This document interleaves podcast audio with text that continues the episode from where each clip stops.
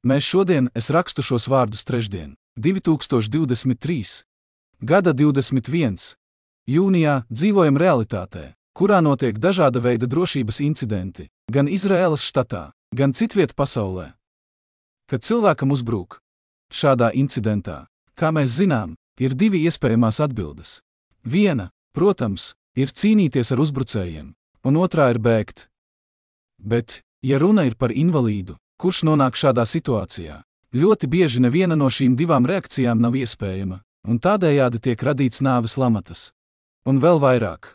Daudziem invalīdiem fiziskā invaliditāte neļauj personai, kas cieš no invaliditātes, pašaizsardzības nolūkos turēt ieroci.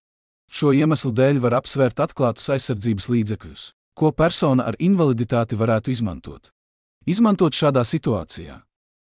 Un pieņemot, ka šādu aizsardzības līdzekli Ja un kad tas ir izstrādāts, var ļaunprātīgi izmantot arī daži invalīdi, jo pretēji pieņemtajām stigmām invalīds nevienmēr ir un amp, kot, nabaks un amp, kot, vai un amp, kot, labs cilvēks un amp, kot. Ir arī jādomā par kritēriju noteikšanu, kuri invalīdi būs tiesīgi saņemt vai izmantot šādus aizsardzības pasākumus, un kādus noteikumus. Rakstītājs ir Asafs Binjamini, Jeruzalemes Kirjat Menačiem apkaimes iedzīvotājs. Izrēla,